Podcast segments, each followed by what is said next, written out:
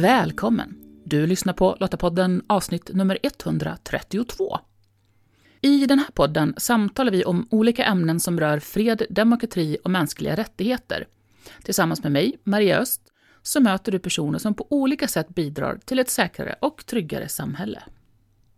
Lottapodden den är producerad av Svenska Lottakåren och eh, vi är en frivillig försvarsorganisation som engagerar och utbildar kvinnor som vill göra skillnad för att stärka samhällets krisberedskap och totalförsvaret. Har du funderat på att när du stärker din egen beredskap så stärker du också hållbarheten i samhället? Det kanske låter som motsatsen, men krisberedskap och hållbarhet överlappar på många sätt. I det här avsnittet ger Hugo Malm, lärare på Holma folkhögskola, exempel på just överlappningen och beskriver hur hemberedskap och självhushållning handlar om samma sak. Vi använder helt enkelt olika ord beroende på vilken utgångspunkt vi har. Häng med, så får du tips på hur du kan ta nästa steg för att öka din hemberedskap, eller jag menar självhushållning. Eh, Hugo, välkommen till Lottapodden. Ja, tack så mycket. Börja med, vem är Hugo? Jag har jobbat med eh, hållbarhetsfrågor i halva mitt liv och eh, då eh, har jag bland annat varit med och startat upp Holma folkhögskola som är Sveriges enda folkhögskola som har hållbarhet och odling som sin profil. Vi har funnits i snart sex år och jag var skolans första rektor, var rektor där de två första åren och sen gick jag på en föräldraledighet och efter det så har jag då jobbat som eh, lärare enbart. Och nu har vi också ansökningstid till eh, vårens kurser så att fram till den 15 november går det också jättebra att ansöka till vårens kurser på Holma folkhögskola. Det är bara att gå in på www.holmafolkhögskola.se så står det mer om alla kurser som finns och det finns både heltids och deltidskurser. och Det finns distanskurser och platskurser. Men själva skolan ligger ju då i eh, Hör, mitt i Skåne. Och eh, jag undervisar då i en kurs som heter Ställ om som handlar just om att folk då ska hitta sitt sätt att ställa om på. Det finns liksom inget sätt så att så här ska alla göra för att leva hållbart. Och där undervisar jag då även i krisberedskap. För de senaste tio åren så har jag också intresserat mig mer och mer för krisberedskap och framförallt då för liksom överlappningen mellan krisberedskap och hållbarhet. Men bara så att vi är med på samma sak då, tänker jag, vi som, eh, vi som lyssnar. Hållbarhet, definiera det. Mm. Oj, spännande, stort, stort ämne. Eh, alltså, för min del så, så har jag jobbat med hållbarhet på väldigt många olika sätt och jag tänker att det är det som är spännande med hållbarhet, precis som krisberedskap, att det finns otroligt mycket olika sätt att, att jobba eh, med det. Men, men för min del, det jag jobbar med dagligdags, så handlar det väldigt mycket om att de som kommer till min kurs, de, de har någon sorts längtan om att göra förändringar i sitt liv. De känner att de inte liksom mår bra av att leva livet som de gör, antingen att det blir för mycket stress eller press, vissa har bränt ut sig och andra känner att de vill komma närmare jorden och kanske odla eller flytta ut till landet. Andra har en dröm om att kunna jobba med någonting inom hållbarhetsområdet. Så att, eh, grunden till kursen var att vi hade haft kurser i eh, småskalig ekologisk odling och permakultur under några år och det var folk som då ville jobba med det här, men de kom liksom inte riktigt vidare så ofta för att de fick inte lära sig någonting om att starta projekt eller starta företag på kurserna och det krävdes ofta för det, att de skulle få göra det. Så det var liksom en grund. Men jag tänker hållbarhet, det finns ju väldigt många olika delar. Det brukar ju talas om eh, ekologisk hållbarhet, social hållbarhet, ekonomisk hållbarhet och jag är intresserad av, av, av alla delarna och jag tycker att, att alla delarna också har ju överlappningar mot Eh, just beredskap. Så det är det mm. också som jag tycker är så, så spännande att, att ofta så tänker vi att det kanske är väldigt stor skillnad mellan hållbarhet och beredskap, men för att vi använder olika ord. Men när vi väl då börjar prata om det så märker vi ofta att det är kanske inte så stor skillnad. Att inom beredskap så pratar vi, vi om hemberedskap medan inom hållbarhet kanske vi mer pratar om självhushållning eller Eh, så det finns många sådana såna saker just, just med orden där, bara vad vi använder för ord, fast jag tror att vi pratar om samma grejer. Och kanske lite som du säger då, utifrån vilken, vilken ingång vi har i ämnet, tänker jag. Absolut, så, så, är det, så är det ju verkligen. Och det som är så spännande är ju också här att att vi appellerar till olika målgrupper här beroende på hur vi talar. Jag märker ju att om jag, jag kan prata om precis samma sak, jag kan prata om liksom eh, livsmedelsproduktion eller liksom hur vi ska klara oss eh, hemma eh, och och kallar jag då beredskap så tenderar generellt sett män, folk som är lite äldre och folk som liksom röstar mer åt höger att lyssna lite skarpare och kallar jag det istället då för hållbarhet så lyssnar generellt sett fler kvinnor, folk som är yngre och folk som röstar mer åt vänster. Liksom. Generellt sett så. Liksom. Så det är också spännande. Vad använder vi för, för sorts eh, ord? Så jag har gjort en liten sån ordlista liksom, med sådana synonymer. Då, liksom. Där, där, då till exempel inom beredskap pratar vi om robusthet, vilket vi kanske då kallar för hållbarhet eller resiliens. Översvämningsskydd eh, kan ju också vara klimatanpassning till exempel. Eh, lokalt tryggad försörjning av varor pratas det gärna om inom beredskap medan då inom hållbarhetsspåret kanske folk pratar mer om lokalisering eller lokalt odlat.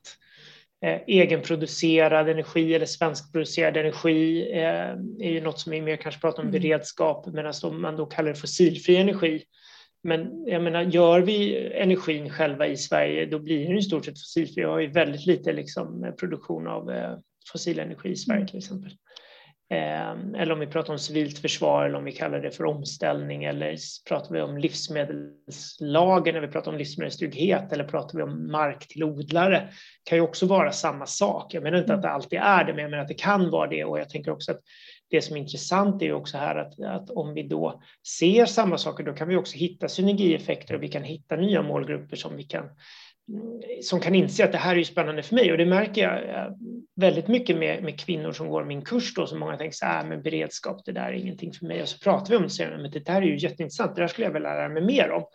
Vad finns det för organisationer som gör det? Och då tänker jag till exempel för Lottorna att det skulle finnas nya målgrupper att, att mm. nå ut till som kanske inte tror, de vet inte att de är intresserade av frågorna för de kallar det någonting annat. Liksom väldigt intressant just det där med, med ordval och, och också just eh, att det är, som du säger, det är två sidor av samma mynt beroende mm. bara på lite vilken vinkel vi kommer ifrån.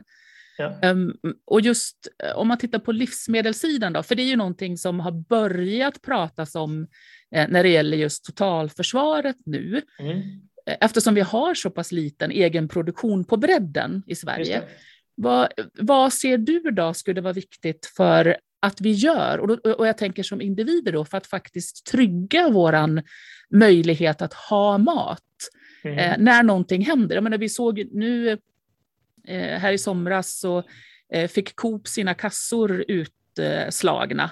Det var en livsmedelskedja, men det här skulle ju teoretiskt sett kunna hända på bredden, det vill säga vi kommer inte kunna gå och handla mat på ett tag. Nu, nu fick de igång det relativt snabbt ändå, men eller någonting händer som, vi hade ett eh, fartyg som strandade i Suezkanalen. Mm. Om, om mer sånt kommer att hända så att vi inte får hit varor.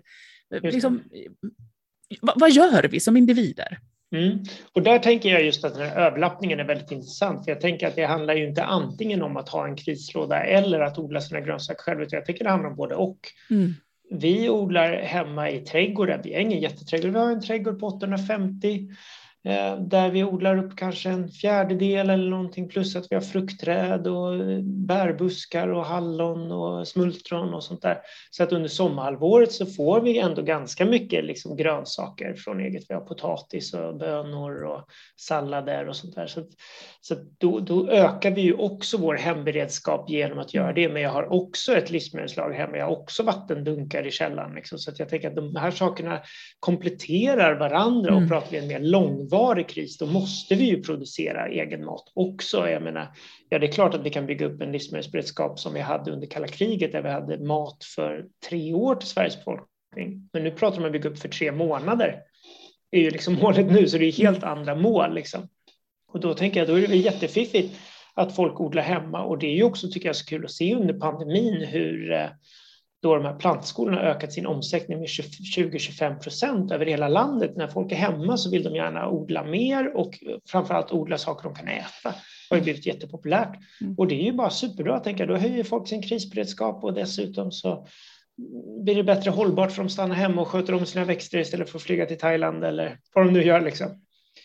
Eh, ja. Så jag tänker att det, det finns så, så, många positiva grejer både kring beredskap och kring liksom, hållbarhet här, att vi, mm. att vi gynnar båda sidorna. Och det här är så spännande också för att jag tänker att det finns också så en liten politisk spänning som jag var inne på lite tidigare, vilka som pratar om vad och kan vi marknadsföra det här eller marknadsföra, föra fram det som att vi gynnar både och så, så är det ju lättare, tänker jag, att nå breda politiska överenskommelser också, vilket vi behöver få. Om, vi, om det ska hända någonting så kan vi inte gräva skyttegravar och bara säga ni är sådana och vi är sådana, då kommer vi ju ingen vart. Liksom.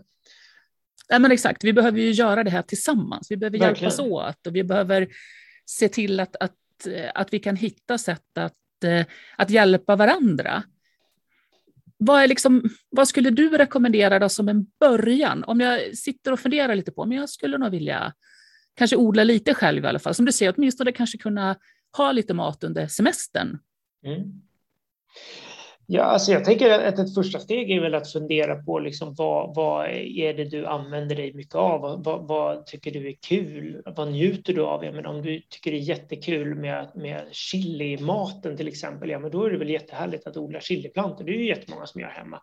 Sen så kanske då steg två blir att ta, ta frön av det. Istället för att du ska köpa nya frön varje säsong så tar du den här härliga chilin och så, så gröper du ur en eller två kilo så torkar fröna och så kan du plantera om nästa säsong. Liksom. Det är en ganska lätt grej liksom, att göra. Om du tycker det är jättehärligt med nyskördad potatis till midsommar, ja men då är det ganska lätt att peta ner liksom, potatis. Jag gillar vitlök så att då petar vi ner vitlök så här på hösten och sen så på våren så kommer det upp då jättefina goda vitlökar och det är jättelyxigt för mig för jag gillar vitlök. Men mm. det är där jag tänker också hitta någonting som du själv går igång på för det är också det där om du ska börja odla någonting som du egentligen inte tycker är så gott då finns det ingen motivation att, att skörda det bara för att. Precis som man brukar säga om så här, ja, men köp inte pulvermos om du inte äter pulvermos i vanliga fall och har din en krislåda, för då kommer du ändå inte vilja äta det där pulvermoset. Liksom.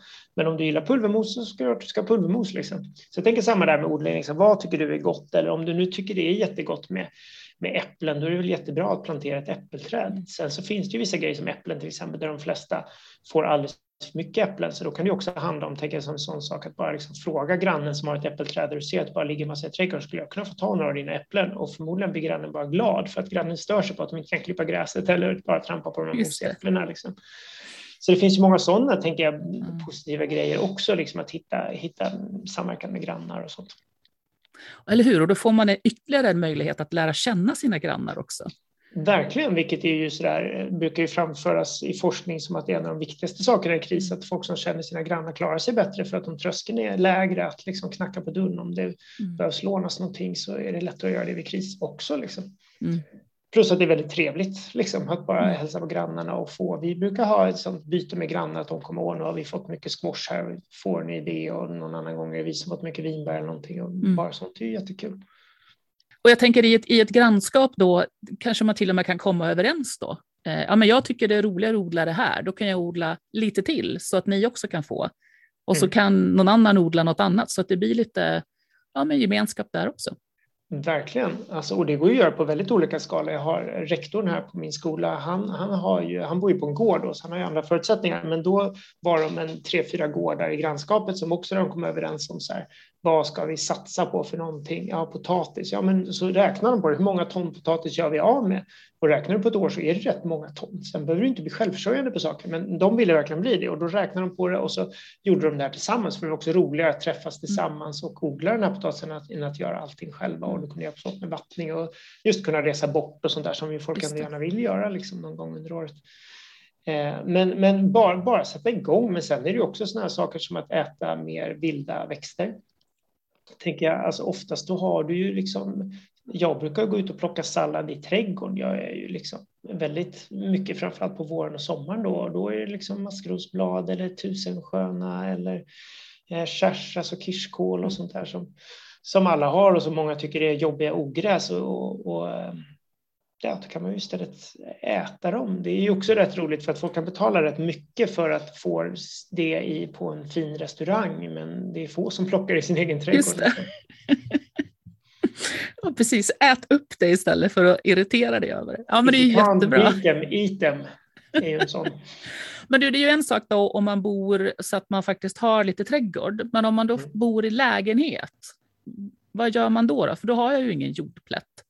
Nej, fast där är det rätt intressant också. Där har också, läste jag under pandemin, blivit då folk som har frågat sina liksom, hyresvärdar, för oftast då har ju hyreshusen en bit runt, en bit mark runt husen som de också äger. Så är det då folk som har frågat, skulle vi kunna få odla potatis här eller sätta någon bärbuske här? Och oftast så tycker ju hyresvärdarna bara att det är trevligt, för det ser ju trevligt ut och det skapar eh, bra stämning mellan grannarna och sånt där. Så, så sånt finns ju också. Eh, men, men sen tänker jag just med kommunerna också att där finns det ju en stor potential att höra av sig. Kommunen äger ju jättemycket mark.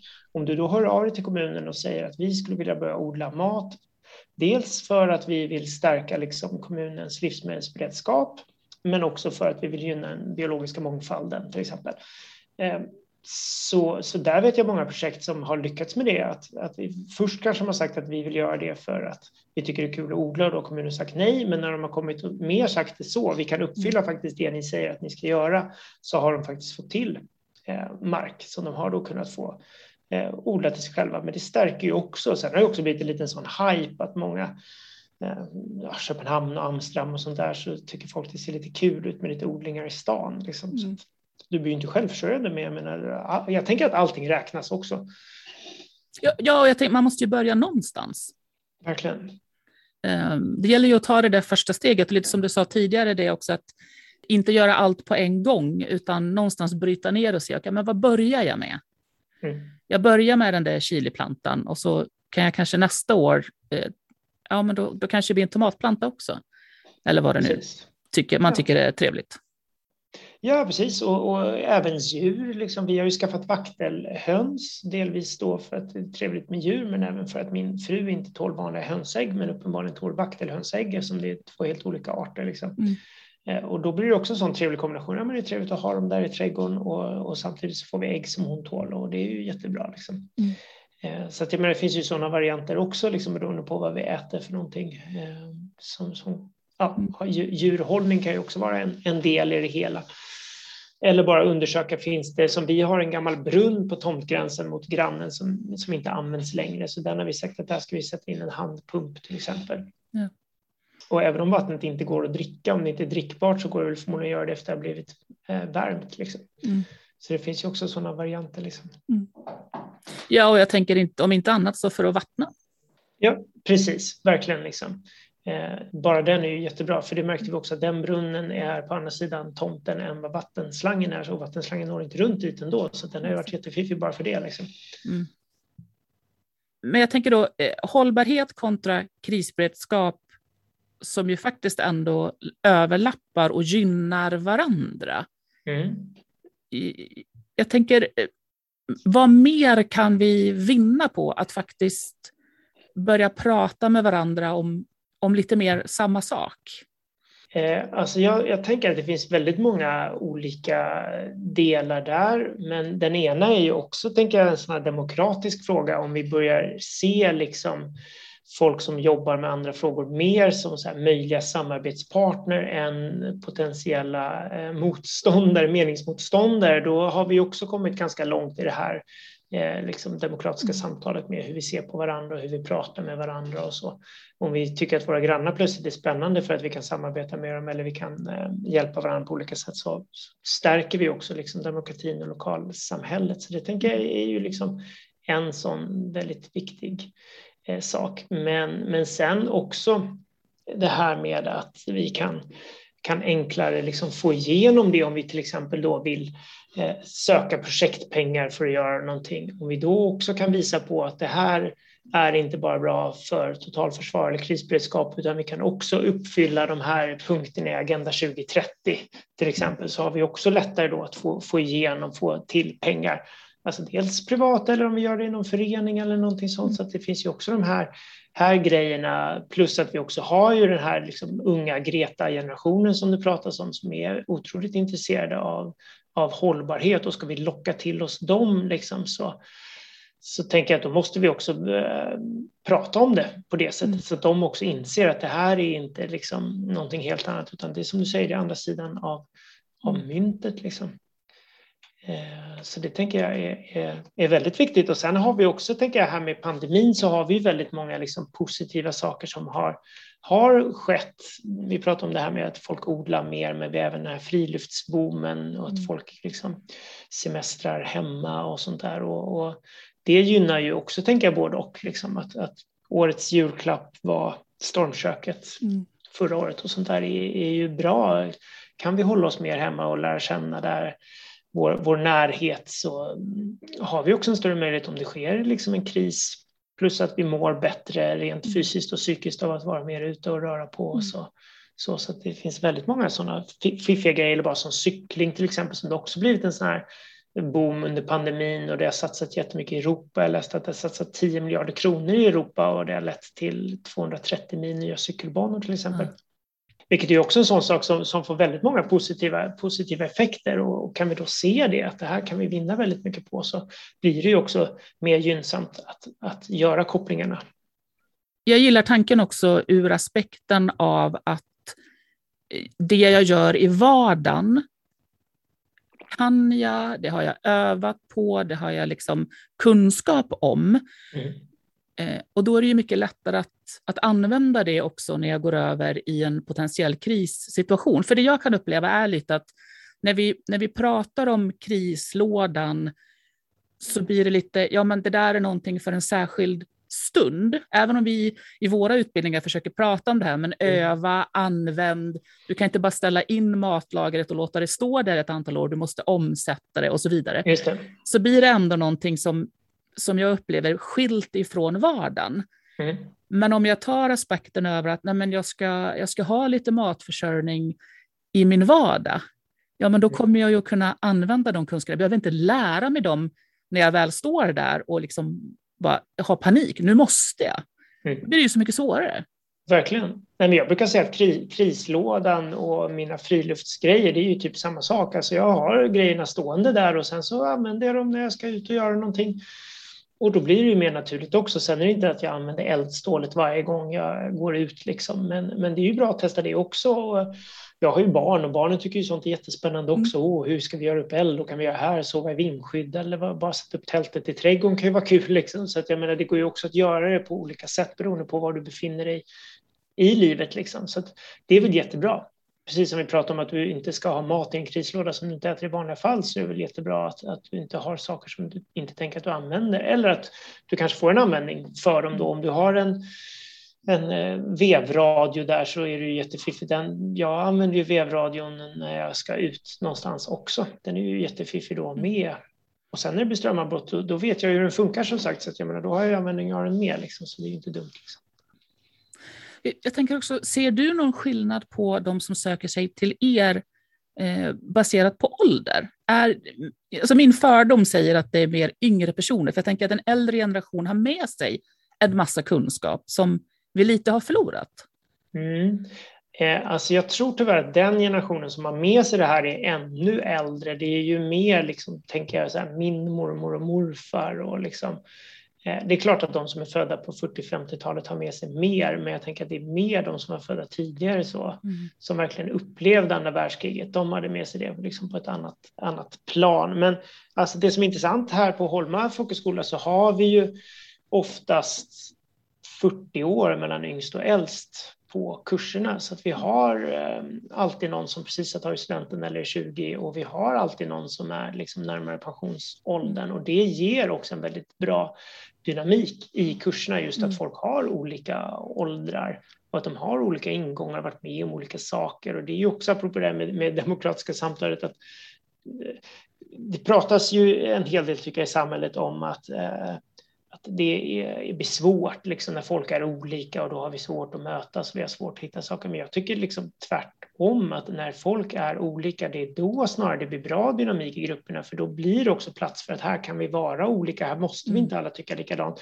Vi har alltid både jägare och veganer på kurserna och de inser ofta liksom att de har mer gemensamt än olika. Ofta handlar det mycket om att de, ingen av dem gillar köttindustrin. Nej, sen har de olika lösningar. Någon väljer att äta veganskt, någon väljer att jaga, men båda håller med om att det, att det andra alternativet är bättre än, än att liksom gynna en stor köttindustri. Liksom. Så jag tänker också där, det, det, det är så spännande att se när, så, mm. när sådana saker eh, händer och det, Ja, det är, det är väl därför det är viktigt att nå ut på olika planer. Jag tänker med lotterna också, att lotterna har ju en jättepotential, har ju en superspännande utbildningsarsenal liksom, som jag tror skulle kunna nå ut ännu mer liksom, ifall folk också insåg att det här gynnar andra saker än, än bara beredskap och totalförsvar. Så. Hugo, stort, stort tack för att du eh, hjälpte oss att få lite perspektiv på krisberedskap och koppla ihop det med lite andra värden. Jättespännande. Tack! Ja, tack så mycket. Det var jätteroligt att få medverka. Vad säger du, spännande att se på ord ur olika synvinklar, eller hur? Eh, och det belyser återigen, precis som Hugo sa, vikten av att prata med varandra, att fundera över vad vi gör och varför vi gör det. Eh, och hitta nya samarbeten för att tillsammans se till att vi kan klara oss längre, eh, oavsett vad som orsakar att vi inte kan köpa allt vi är vana vid i affären. Om inte annat så mår vi bra av att stoppa fingrarna i jorden har jag hört. Jag vet att jag gör det i alla fall. Lästips relaterat till det vi samtalat om i det här avsnittet det hittar du på lottapodden.se. Och där hittar du också länk till Svenska Lottakårens hemberedskapsutbildning Sköt dig själv. Eh, och den är ett bra sätt att komma igång med att fundera på vad du behöver för att du och din familj ska klara er i händelse av en kris. Och om du, precis som Svenska Lottakåren, tycker att fred, demokrati och mänskliga rättigheter är värda att försvara och du vill vara med och göra skillnad för vårt samhälles krisberedskap och totalförsvar, då ska du gå till svenskalottakåren.se. Där hittar du information om hur just du kan göra skillnad. Nästa avsnitt av Lottapodden det kan du lyssna på den 25 november. Så om du inte redan gör det, prenumerera på Lottapodden så du inte missar nästa avsnitt. Du hittar podden bland annat i Apple Podcast, Podbean eller på Spotify. Och om du gillar Lottapodden, berätta gärna för andra om den. Och om du använder en app där du kan lämna en recension, som Apple Podcast, gör gärna det, så hjälper du fler att hitta till podden. Och tack för att du lyssnar. Hej så länge!